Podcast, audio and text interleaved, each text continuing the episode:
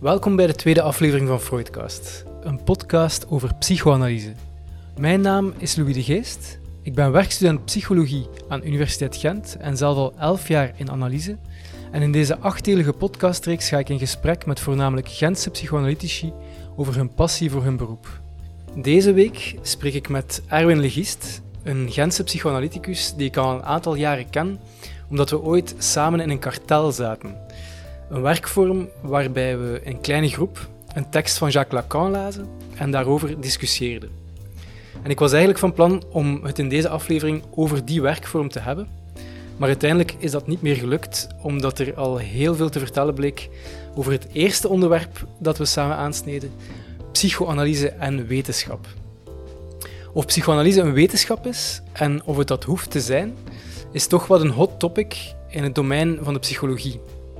Elke psychologische stroming probeert tegenwoordig evidence-based te zijn en hun theorieën proberen ze ook op te bouwen naar de logica van de natuurwetenschappen. Maar in de psychoanalyse kijken velen daar helemaal anders naar. En ik moet zeggen dat Erwin Legist eigenlijk de ideale persoon was om het daar vandaag over te hebben. Want hij had eigenlijk al een hele carrière als wetenschapper achter de rug toen hij rond zijn veertigste voor het eerst in contact kwam met de psychoanalyse. Het is een heel boeiend gesprek geworden en ik wens jullie dus opnieuw veel luisterplezier. Dag Erwin. Hallo. Ik vind het uh, zeer fijn eigenlijk dat je deel wil nemen aan, uh, aan deze podcast. Um, ook wel omdat we, allee, van alle mensen die ik interview, zijn jij de persoon die ik denk ik het beste ken. Ja, ja. Uh, dat komt toen dat kartel dat we ja. gedaan hebben eigenlijk. Hè? Ja. Dat was eigenlijk mijn eerste kartel ooit. Bij u, bij u was het waarschijnlijk niet uw eerste, of wel? nee, nee, ik denk het niet. Ja. Want misschien moeten we straks hebben over, over wat een kartel eigenlijk is. Want uh, ja. dat is wel uh, een interessante werkvorm, denk ik. Um, maar ik, ik ga er dus direct op terugkomen, maar ik dacht eigenlijk om te beginnen met een, ja, een redelijk logische vraag, ook een redelijk algemene vraag of zo. Hm. Namelijk, um, ik weet dat jij, als ik het juist heb, dat jij niet, uh, via, niet 100% via de opleiding psychologie begonnen bent als analist. Nee, inderdaad. En dus ben ik vooral nieuwsgierig naar hoe zijn jij daar eigenlijk mee in contact gekomen oorspronkelijk? En hoe zijn je dan uiteindelijk analist geworden? Well, ik, heb, ik heb eerst maatschappelijk werk gestudeerd. Uh, ik voelde mij niet rijp genoeg om daarmee al te beginnen werken. En ik wou iets onderzoeken. Iets kunnen onderzoeken. Zo algemeen was die vraag. Ik wou iets kunnen onderzoeken. En dus toen ben ik op de sociologie gevallen, vooral omdat er daar veel onderzoeksmethodologie en, en statistiek gegeven wordt. Ja. Dan ben ik sociologie gaan Paul en Sok eigenlijk. Hè.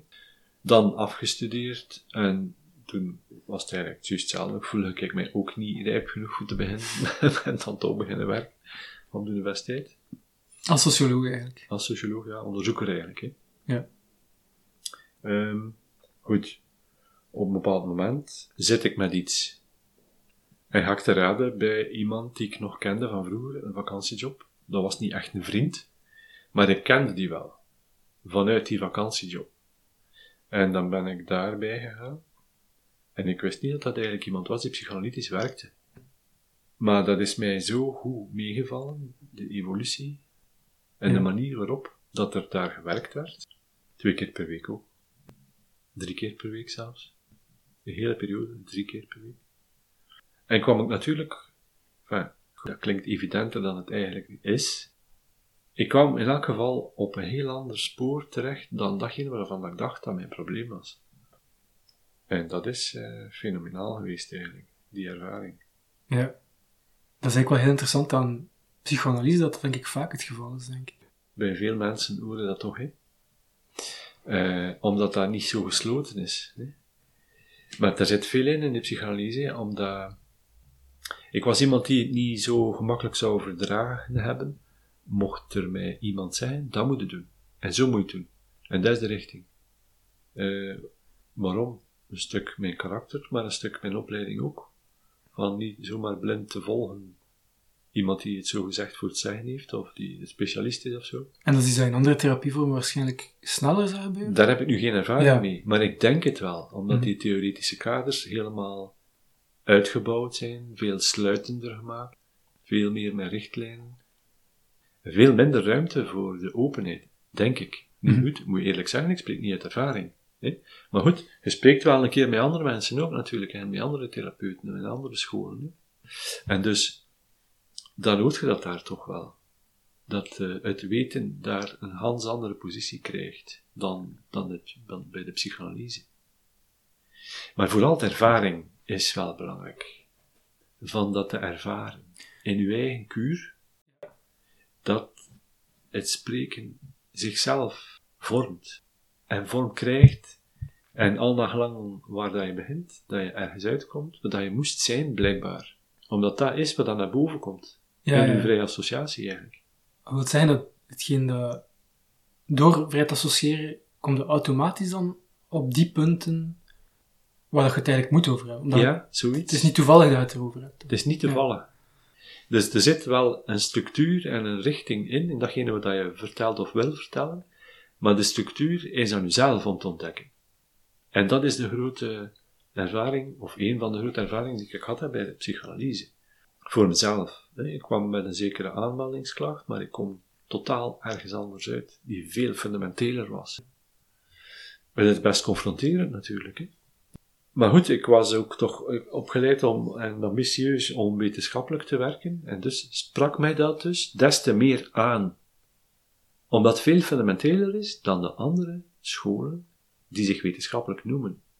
Die pretenderen veel meer om evidence-based te zijn of wetenschappelijk aangetoond te zijn. Terwijl ik eigenlijk juist de ervaring had, ik was een wetenschapper. Als ik mij zo onbescheiden mag uitspreken. Want ah ja, ik, had, ik, had, ik had wel al een hele carrière in vakgroepen met onderzoek. Ik had niet anders dan onderzoeks gedaan, hè? wetenschappelijk onderzoek. En dus trof mij dat toch, omdat, hoe contradictorisch dat ook klinkt, dat de psychanalyse eigenlijk veel wetenschappelijker bezig was dan dat ze zelf pretendeert te zijn. Om redenen die eigenlijk niet in het wetenschappelijk model van vandaag vernoemd worden. Het is complex wat ik nu zeg, hè? Eh, maar ja, zo complex is het ook Nee. niet. Maar zelfs in mijn analyse, toen ik eigenlijk wetenschappelijke vragen stelde, van waarom is het nu juist wat ik zeg? En waarom moet ik rekening houden met wat dat mijn onbewuste mij zegt? Kreeg ik daar de gepaste antwoorden op. Die niet passen binnen een klassiek wetenschappelijk model die we nu hanteren in de moderne wetenschap. En wat bedoel je met de gepaste antwoorden? Ah, ik kreeg de gepaste antwoorden van mijn analist, hè? Ja. Oké, oké. Over waarom moest ik luisteren naar wat ik zei? Of waarom moest ik volgen wat dat mijn onbewuste volgde? Of waarom waren die vrije associaties dan zo betrouwbaar? Enzovoort. Ja, ja, ja. En hij gaf mij altijd, ik kan zijn antwoorden niet herhalen, maar hij gaf mij altijd wel de goede reacties, waardoor dat ik verder ging in mijn spreken. En uiteindelijk moest ik erkennen dat inderdaad mijn denken en mijn spreken niet wetenschappelijk te volgen is, maar ook niet wetenschappelijk te bewijzen is. Mhm. Maar wel datgene wat dat mij motiveerde om te doen wat ik aan doen was. Soms in een verkeerde richting, en waardoor dat ik dus terug in hetzelfde probleem geraakte. Mhm. Of soms niet. In elk geval, wat mij dreef, was niet zo wetenschappelijk te verklaren. Maar wel de systematiek werd blootgelegd in de psychanalyse. En daarmee geef ik eigenlijk misschien antwoord op de vraag ook, die ook bij die studenten Ja, aan bod kwam, het wetenschappelijke. Psychanalyse pretendeert niet van wetenschappelijk te zijn. Maar wel pretendeert ze om de rationaliteit die in ons zit, en die niet altijd rationeel logisch in elkaar zit, of wetenschappelijk logisch in elkaar zit, maar er zit wel een logica achter. En de psychanalyse kan die wel vatten. Niet met een wetenschappelijk model van vandaag, maar met haar denkmodel. En daarom sprak het mij dus toch aan, je moet u voorstellen, ik was wetenschapper en zeer ambitieus, in, in die richting van wetenschappelijk willen zijn enzovoort. Totdat ik eigenlijk moest ontdekken dat die wetenschap niet voldoende is. Dus ik heb echt 180 graden moeten draaien. Maar het merkwaardige is dat ik, die zo hard leert wetenschappelijk was, of wou zijn, dat de psychanalyse mij overtuigd heeft van, verdorie, dat is hier eigenlijk een ganz andere waarheid dan de, wetenschappelijke. Ja. Verstaan je? Ja, ja. Maar nu hebben we al een hele boog gemaakt, want ik was begonnen met uit te leggen eh, hoe dat ik daartoe begonnen ben. Enfin, goed, ik heb het dan toch verteld, denk ik. Ja. Dus eh, ik zat met een probleem en ik ben beginnen spreken. Bij die kennis, moet ik eigenlijk zeggen. Waarvan ik dan achteraf geweet- te weten ben gekomen dat hij eigenlijk met psychoanalyse bezig was. Mhm. Dat is ook niet ter sprake gekomen, zo expliciet. Hè? Ik ben beginnen spreken. Dat was mijn nood. Ik moest daar iets mee doen. Ik moest een oplossing zoeken of krijgen of wat dan ook. Dat interesseert me niet. Wat scholing dat dat was. Ik wist ik daar niets van, hè. Maar nu, wel ik het wel weet, zou ik zeggen, kies dan toch psychoanalyse. Maar toen wist ik dat niet. Dat is maar na verloop van tijd Ja. mij duidelijker geworden. Je dan in het begin niet heel sceptisch? Als je zo vanuit de wetenschappelijke eh, hoek... Ja, natuurlijk. Ja. Natuurlijk. Maar zelfs dan, ik bedoel, ik wist niet genoeg van de psychoanalyse. Ik wist niet dat dat niet wetenschappelijk was. Of niet de ambitie had om wetenschappelijk te zijn. Maar gaandeweg heb ik ontdekt dat er wel een kracht in zit in de psychoanalyse, omdat ze de opening laat om op zoek te gaan naar de structuur en de logica van, van de persoon die komt spreken, van het subject. En dat is veel interessanter dan u, dan u te zetten als therapeut en te, te denken dat datgene wat dat er gezegd wordt, al snel kan gevat worden in een etiket. Of al snel kan gevat worden in een aandoening. Het is dat. Of daar heeft hij last mee, of zij last mee. Omdat dat niet zo snel gaat, daar is wel tijd voor nodig om dat te ontdekken. Vandaar dat die complexiteit heeft, het is dan een student eh, die zegt van, dat hij vindt dat de psychoanalyse elitair is. Of zich elitair opstelt, omwille van het vakjargon, Mhm, zegt mhm. hij. Maar ja, de mens zit complex in elkaar. Eh, als het al te simpel is en al direct duidelijk wat het probleem is van iemand, dat is een beetje, voor mij, arg, eh, wekt dat argwaan eigenlijk. Omdat de mens zo simpel niet in elkaar zit. En de logica, of de, de, ja, de logica's die gebruikt worden in andere therapieën, gaan al snel uit van een soort van standaardstramien. Ja. Te veel. Maar, maar doordat de openheid verdwijnt om de mens zelf te laten ontdekken wat het er eigenlijk aan de hand is. Want als ik, ik met, met één probleem binnenkwam en na een aantal weken werd ik gewaar van, dat was mijn probleem niet. Mijn probleem zat elders en veel dieper. Maar als je die opening niet laat, heel lang, dan ga je het ook gaan dichtgooien. Op uw eerste diagnoses of uw eerste richtlijnen vanuit uw handboek of vanuit uw eerste etiketten of vanuit uw eerste... Dat lijkt me inderdaad ook een groot gevaar, dat je zo veel te snel conclusies trekt of Ja, zo. Of... ja. En dus inderdaad, sorry naar die student, maar er is wel een beetje complexiteit nodig om die menselijke geest eigenlijk open te kunnen laten vouwen. Hè? Ja, ja. En als je dan te snel bent, nu het elitair heeft ook te maken met het feit dat er veel begrippen zijn die bij Lacan te snel begint men Lacan na te praten zonder goed te weten wat, waar dat hij het over heeft. En dat komt dan dikwijls elitair over. Dus je mocht personen die over de psychanalyse spreken, niet altijd verwarren met de psychanalyse als, als theorie en als eh, begrippenapparaat. Het is wel En- interessant, want in, in een van de vorige afleveringen eh, is heel veel gegaan over Freud, maar eigenlijk redelijk beperkt nog over Lacan. Ehm, en misschien dus voor context, dus Lacan was iemand die eigenlijk, als het ware, zoveel jaar na Freud, of te- hij leeft nog terwijl de Freud ook leefde, denk ik. hè. Ja. Maar dat hij eigenlijk Freud herlezen heeft of zo, en geherinterpreteerd. Zo. eh, Ja, u heeft er ook aan toegevoegd, hè. ja. Hij heeft Freud herlezen, maar echt ook een andere richting gegeven en toegevoegd, hè. En genuanceerd, hè. En hem soms ook gewezen op fouten, hè. Hem, zijn literatuur en zijn teksten, gewezen op fouten. Maar Lacan heeft Freud verder doordacht, hè. En op een aantal punten, echt fundamenteel, ehm, anders gaan denken, hè. Hm. Goed, ik kan er nu niet, zo over de hand weg kan ik dat nu niet. Maar, maar het onbewuste is dus toch bij Lacan iets anders dan bij Freud. Ik denk bij Freud was het meer een soort. eh, dat komt ook uit een, een vorig gesprek, maar eh, een soort ka- diepe kelder. Ja, zoiets. eh, ja. Ja, terwijl bij, bij Lacan is dat een, ander, is een andere structuur. Hè. Lacan denkt echt veel structureler. Hè. Maar Freud was, moet ik het zeggen, Freud zou je kunnen zeggen, had een handicap, hè, had een beperking. In die zin dat de linguïstiek nog niet zo ver ontwikkeld was. En toch zie je bij Freud dikwijls al ehm, intuïties. Ehm, als je de droomduiding leest, zie je daar ook dikwijls het belang van betekenaars, bijvoorbeeld. Je had er nog geen woord, dat woord bestond nog niet, of, of de linguïstiek was nog niet zo ver ontwikkeld. Waardoor dat hij een stuk op een plafond zat, door zijn tijd, door de ontwikkeling van de wetenschap toen nog niet. Literatuurwetenschap of de linguïstiek was nog niet zo ver, hè. Maar bij Lacan wel, structuralisme ook.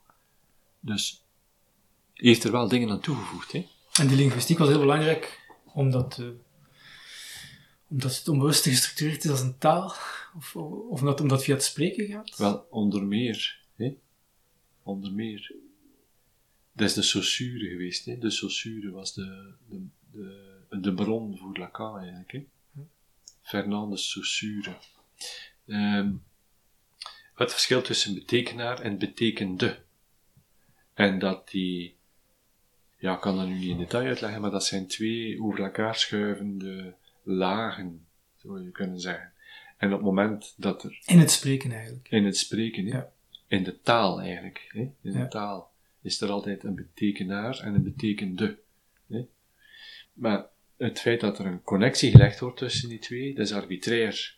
Dus die dingen verschuiven. Een woord heeft niet altijd exact dezelfde vastlegging. Het ene is eigenlijk de, de, de, klankvorm en het andere is eigenlijk de, het, waar, waar het inhoudelijk op wijst. Hè. Dus een, ja, ik denk, ja. een kip, het, het woord, de klank kip, is, is uh, de beteken... Betekenaar, ja. Kip is de betekenaar. En ja. uh, datgene waar dat naar verwijst, is het ding dat daar loopt, hè, met twee poten. Ja, ja.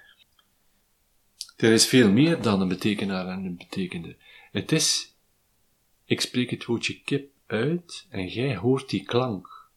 En het is dat dat jij interpreteert en verbindt met een woordbeeld, vooraleer dat je daar nog een keer een link legt naar dat ding die daar loopt met de ja. Ja. Dus het woordje kip ligt niet zo vast als dat we denken. We mogen dat opschrijven en we zeggen, het woordje K-I-P, kip uitgesproken, verwijst naar het dier met twee poten die daar in een tuin loopt enzovoort. Op papier lijkt dat eenduidig te zijn. Maar dat is niet zo, verdorie. Want voor u heeft die kip een andere associatie.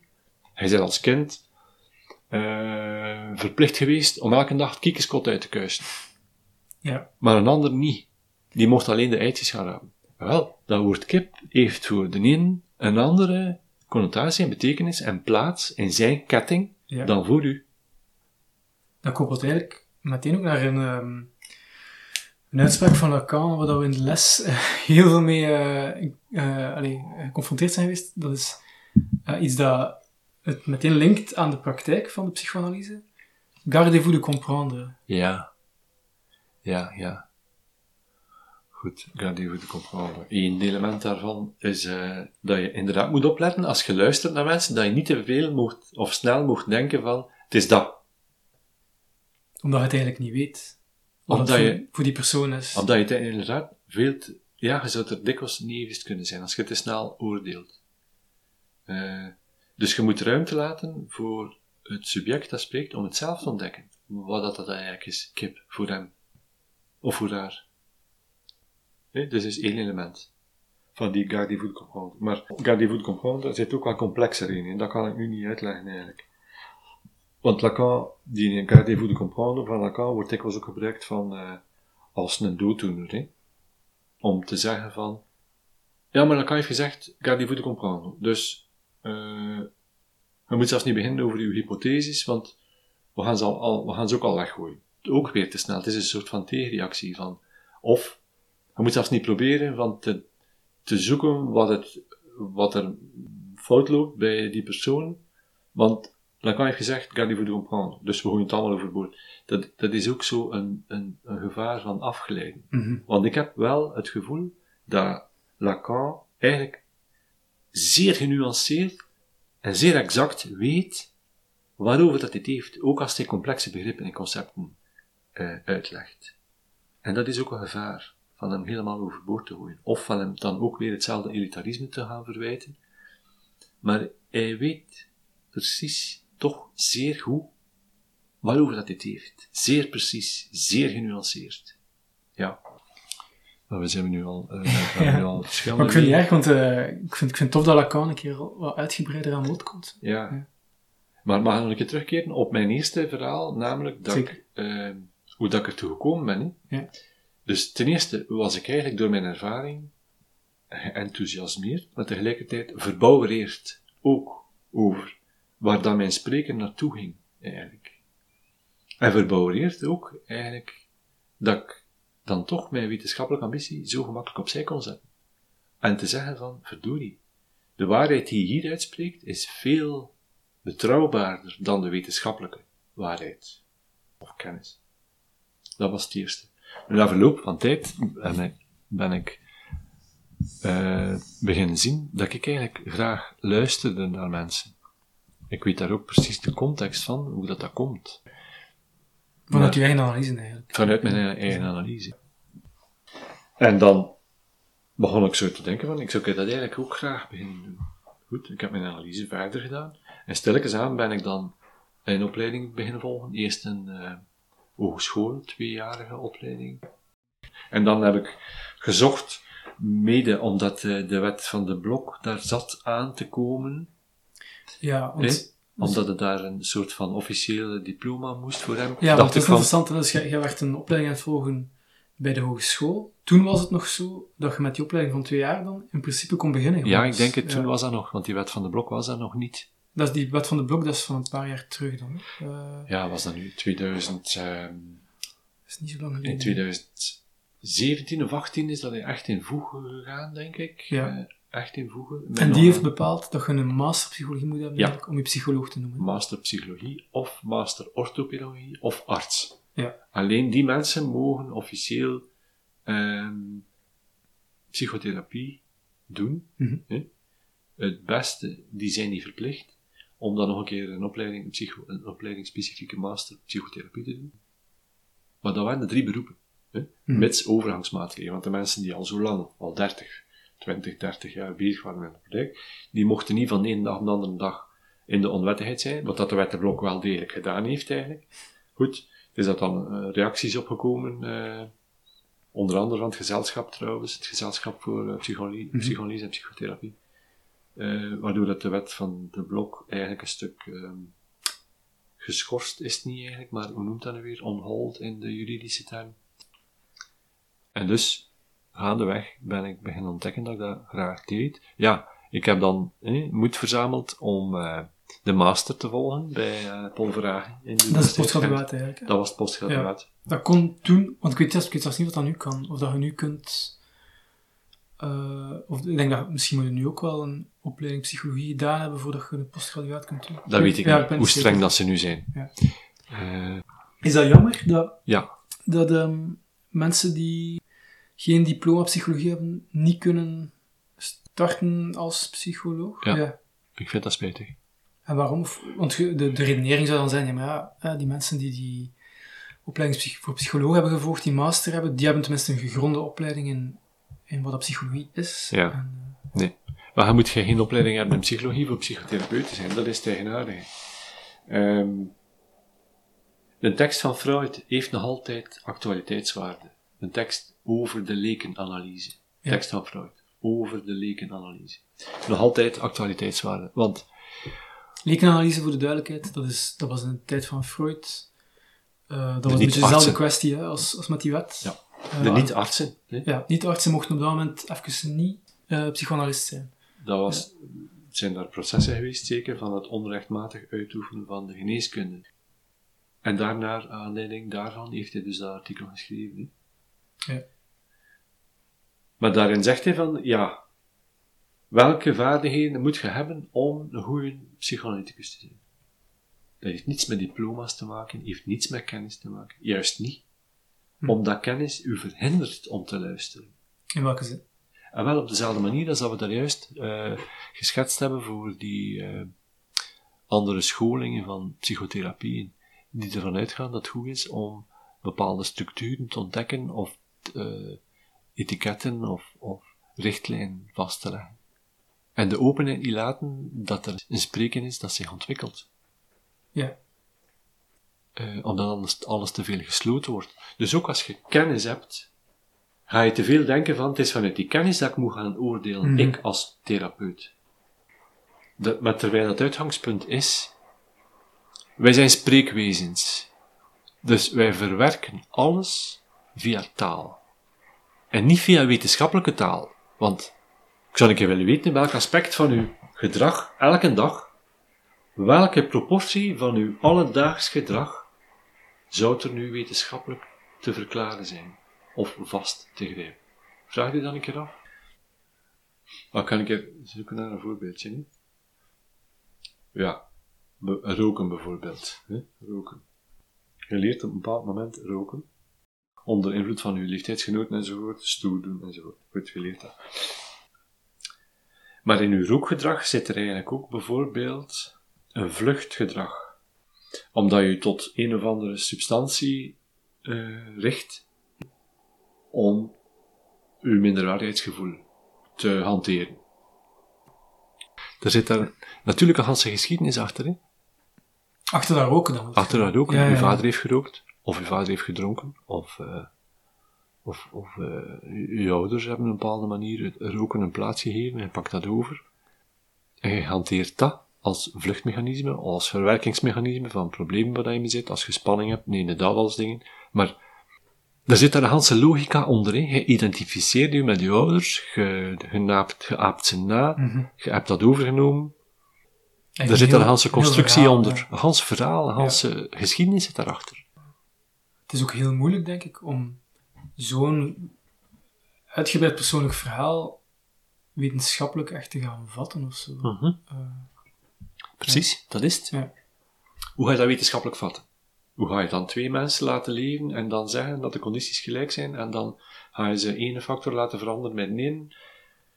Hoe, hoe doe je dat eigenlijk in godsnaam? Want je hebt geen toegang tot alles waar dat er daar geschiedenis onder zit van de redenen waarom dat mensen zus of zo doen. Daar zit de hele geschiedenis achter. Ja. Hoe kun je dat wetenschappelijk gaan vastnemen? En misschien niet onbelangrijk, zelfs al zouden mensen daarover interviewen, Ja, dan nog is het gaan ze het soms zelf niet kunnen Nee. zeggen op dat moment, Nee. omdat dat gewoon een heel proces is om dat bloot te leggen. Inderdaad. Ja, ja. Het vraagt soms maanden, Ja. jaren om daarop te komen. Iemand die altijd verliefd wordt op andere vrouwen. Zo heb ik iemand gehad. Hij begreep, het niet, hij begreep er niets van. Hij was content bij zijn partner. Hij stelt vast dat hij altijd verliefd wordt op iemand anders. Hij snapt er geen snars van, want hij kan zijn vrouw, zijn partner, niets verwijten. Dat heeft maanden, jaren, twee, drie jaar geduurd voordat hij erachter kwam. Waarom Welk dat idee is. dat daarachter zat. Ja, ja. Hoe zou je nu willen hebben dat je dat wetenschappelijk gaat kunnen onderzoeken? Als die persoon zelf daar echt zoveel tijd voor nodig had heeft om daarachter te komen. ja, je kunt dat moeilijk met een- vragenlijst in de eerste sessie. eh, Ah nee, ja. Ja, het is nee, een- sorry, dat gaat niet. Het- het- Wetenschap is niet in staat om de menselijke, de complexiteit van de menselijke geest volledig te vatten. We hebben veel meer nodig dan wetenschap. En we hebben ook iets anders nodig dan wetenschap. Toch, ik spreek altijd over het moderne model van wetenschapsverwarring. hè. Maar literatuurwetenschap is toch ook een wetenschap? Maar die hanteert niet het wetenschappelijke model van nu. Ja, ja, ja. Bij psychologie wordt dat daar heel, dat is heel fundamenteel aanwezig nu. Hè. Ja. De misvatting is geweest dat op een bepaald moment is er een splitsing gekomen tussen de geesteswetenschappen en de natuurwetenschappen. En de grotere vergissing daarbij is geweest dat men dacht dat de geesteswetenschappen hetzelfde model van wetenschap moesten hanteren als de natuurwetenschap, fysica. Dat is een grote fout geweest. Het is toch algemeen aanvaard, denk ik, dat goede schrijvers veel meer weten over de menselijke natuur dan de wetenschap. Mhm. Minstens evenveel. ja, ja, ja. Goede schrijvers. Omdat die weten wat de motieven, de beweegredenen, de geschiedenis van een personage is. Wij geloven niet allemaal veel gemakkelijker. Mhm. We kunnen lezen van ehm, een bepaald gedrag dat voorkomt. Dat is daarom en daarom. Maar, maar dat is kortstondig, hè? Want overigens, volgend jaar is er een andere theorie. Maar literatuurwetenschap, of een goede schrijver die over het leven van iemand spreekt, die is veel geloofwaardiger. hè. Omdat die ook met een andere logica denkt. Nee, ik wil misschien een keer terugkomen ook op ehm, waarom dat zo lang duurt voor mensen soms om inzicht te krijgen in hun eigen handelen en beweegreden. Ik denk, tijdens een analytisch proces, wat is dan de reden dat iemand, waarom kun je niet gewoon jezelf begrijpen? Ja. Ten eerste uh, zou ik denken, het zijn verschillende redenen, denk ik. Hè. En wel, het heeft zelfs nog niet alleen met, met duur te maken ook, want je zou kunnen zeggen, als je maar lang genoeg wacht, zal ik mezelf begrijpen. En dat is eigenlijk ook niet juist. Ten eerste, denk ik, zit je met weerstand. Omdat je eigenlijk niet echt zo gemakkelijk aan de kern van de dingen kunt geraken, omdat je dan eigenlijk ook een stuk pijn moet overwinnen. Pijn in de zin van, er is een reden waarom dat je iets verdrongen hebt, of anders geconstrueerd. Dat is een reden natuurlijk. Omdat, omdat pijn deed de eerste keer dat je het moest zien of ervaren. En dus het zou wel eigenaardig zijn dat iets dat zo krachtig u doen afkeren heeft van de kern, van te zien, dat dat nu ineens vanzelf onder invloed van tijd zomaar opgelost zou raken. Nee, die pijn is er nog. En daarom zijn die weerstanden daar. Anderzijds, eh, het feit dat uh, schaamte en zo, de invloed van de andere, wat gaat de andere denken? Dat is een ander element waardoor het niet zo gemakkelijk is om zomaar bloot te leggen. Maar ik denk ook nog een fundamenteler element waarom dat zo lang kan duren, is dat je eigenlijk per definitie eigenlijk bijna iemand anders nodig hebt om het te vinden. Omdat ik denk dat we alles verwerken via taal. En ook, denken is geen taal. Je kunt in jezelf denken, maar je spreekt het niet uit. Hè? En dus is er een noodzaak om het uit te spreken, zodanig dat je het kunt horen van jezelf. Ik keer dan terug op Saussure. Het is ene weg om het uit te leggen. Je hebt, om echt iets te verwerken, heb je de akoestisch beeld nodig, komend van een ander of van jezelf. Maar dan moet je het wel uitspreken. En dus heb je iemand anders nodig om jezelf te ontdekken. Dat is een andere reden. Dat is een tweede reden. Een volgende reden is dat je eigenlijk gemaakt bent door de ander.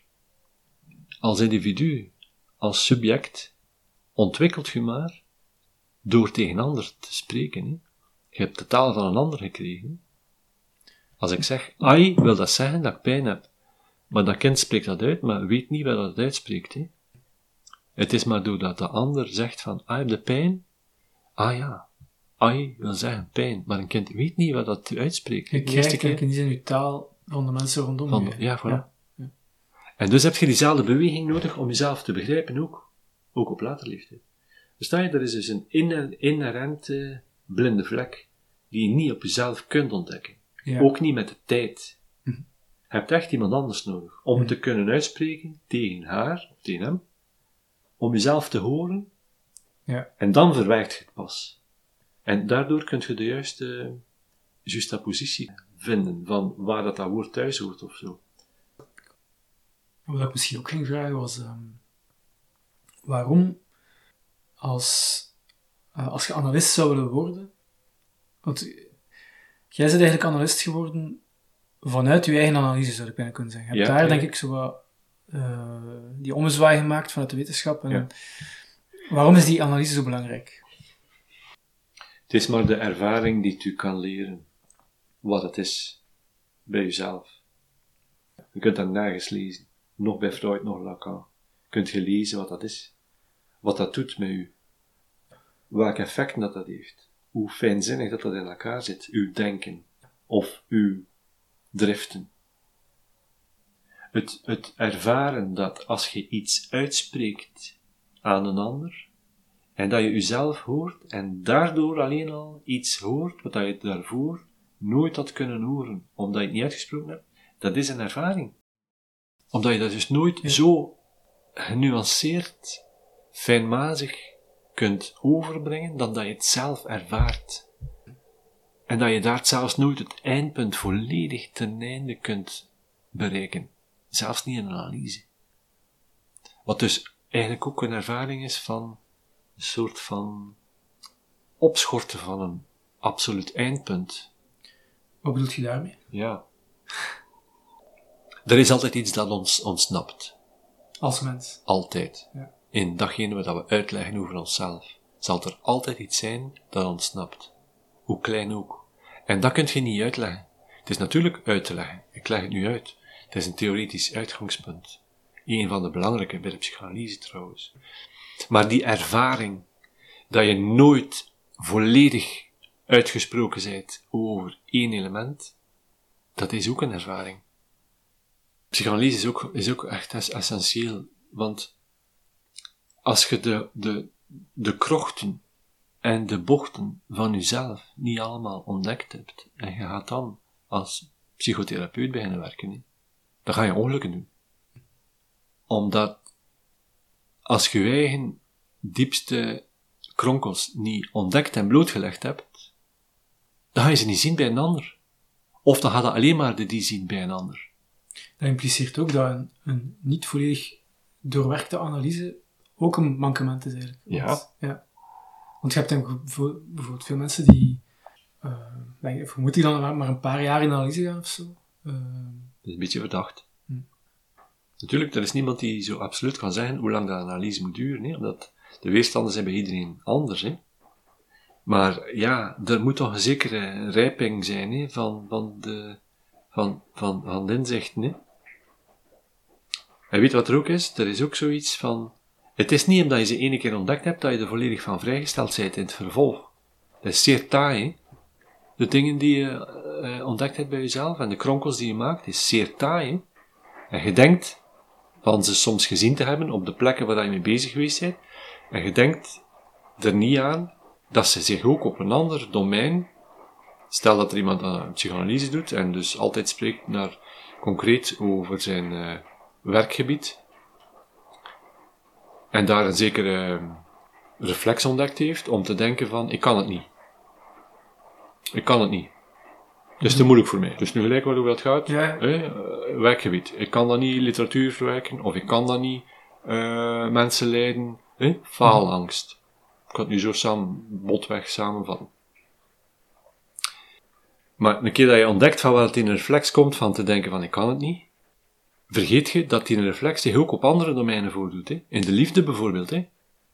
En dus moet die analyse lang genoeg gebeuren om eigenlijk te zien waar uw reflexen zich overal manifesteren. Hè?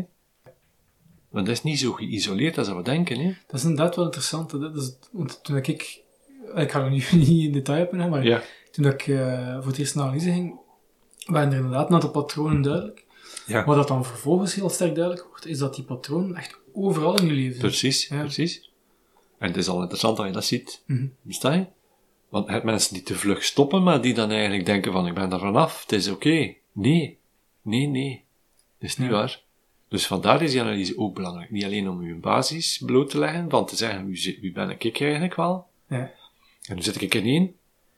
Om dan juist te kunnen onbevoordeel- onbevooroordeeld luisteren, zonder geheugen, zoveel mogelijk naar een ander.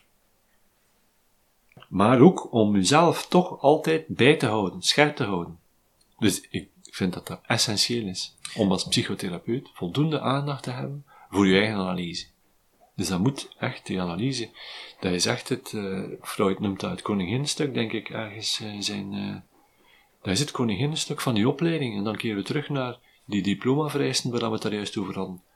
Dat dat niet geen goede zaak is, van dat te proberen gieten in voorschriften of diplomavoorwaarden of ik weet niet wat voor eisen waaraan dat je zult moeten voldoen. Als er één eis is, een belangrijke, wat je wel moet aan voldoen, is dat je eigen analyse lang genoeg gedaan hebt. Als er een voorwaarde is, moeten die minstens in staan. Maar voor de rest van vooropleiding, dat heeft geen belang. Je hebt psychologen die niet kunnen luisteren ook, hè.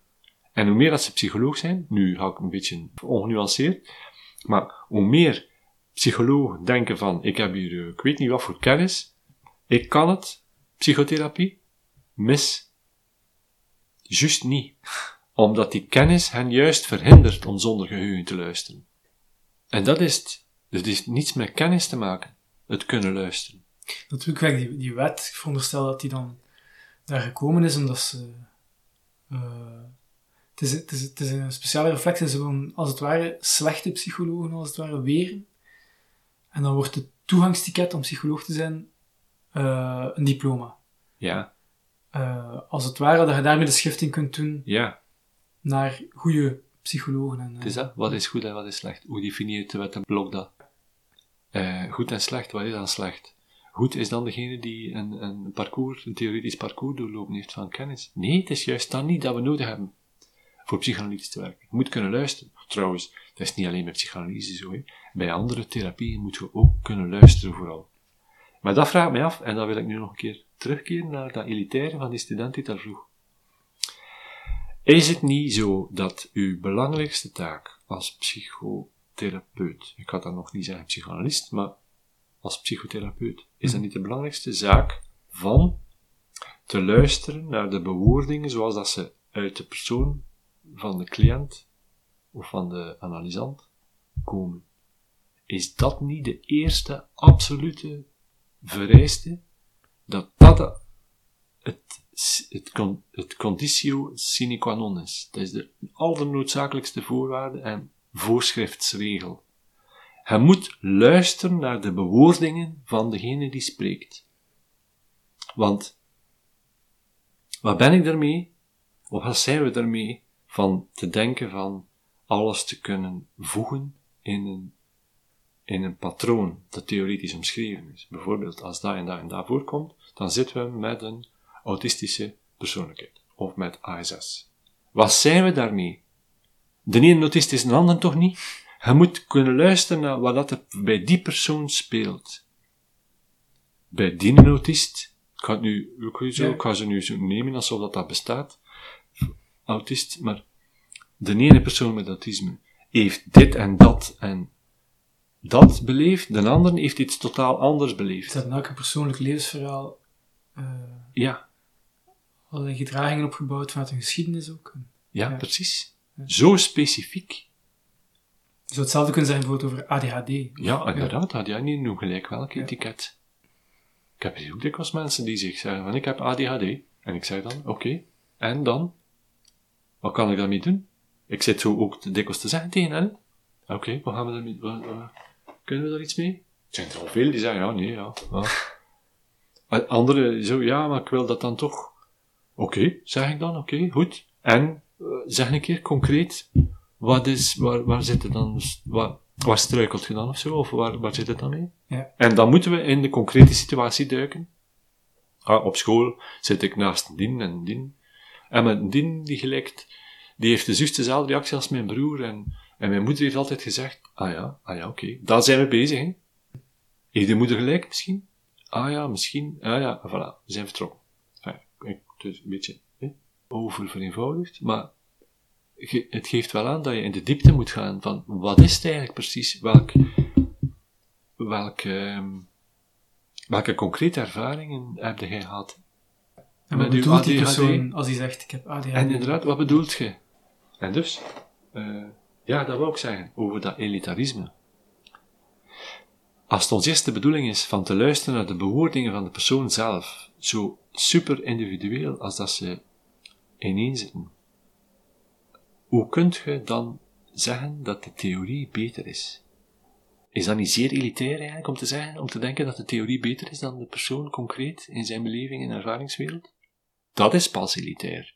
Om te zeggen dat er een theorie is die beter weet hoe dat ineen zit. Natuurlijk is het wel zo dat de psychoanalyse een heel uitgebreide theorie heeft. Hè? Daar kunnen we niet omheen. Dus... Ja, maar ze heeft niet de pretentie om te zeggen, zo is het en zo zit het. Dat doet ze niet. Ze geeft kaders aan om te denken. Hm. En dat is ook een reden waarom dat Lacan een beetje hermetisch blijft. Omdat het hermetisch moet blijven. Er is geen sluitstuk. Er was ook nog een vraag van een student. Ja. Die ik hier had uh, zeg maar. uitgelicht. Kan iedereen met een hulpvraag geholpen worden door de psychoanalyse? Of is psychoanalytische therapie niet voor iedereen? En zijn sommige mensen beter geholpen op een andere manier? Maar dat is inderdaad een, een beetje een keuze van de persoon zelf. Hè? In die zin kun je niet zo per definitie zeggen dat de psychoanalyse beter is. Ik vind de psychoanalyse wel beter.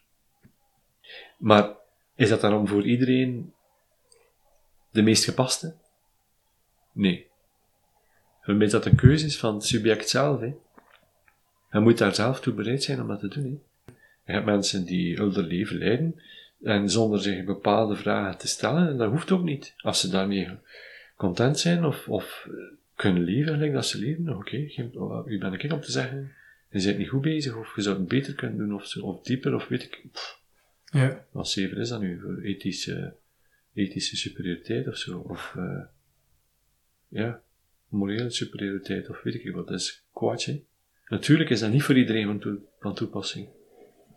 Omdat, omdat elk subject moet zelf kiezen hoe ver en hoe diep dat hij wil gaan en, enzovoort. En op basis van wat dat hij zichzelf wil onderzoeken. Ja. Tuurlijk. Het is natuurlijk maar ik vind de psychanalyse wel beter. Als je dan toch psychotherapie wil doen, dan vind ik de psychanalyse beter. Maar goed, ja, het is aan iedereen om te kiezen wat er voor hem past of waar.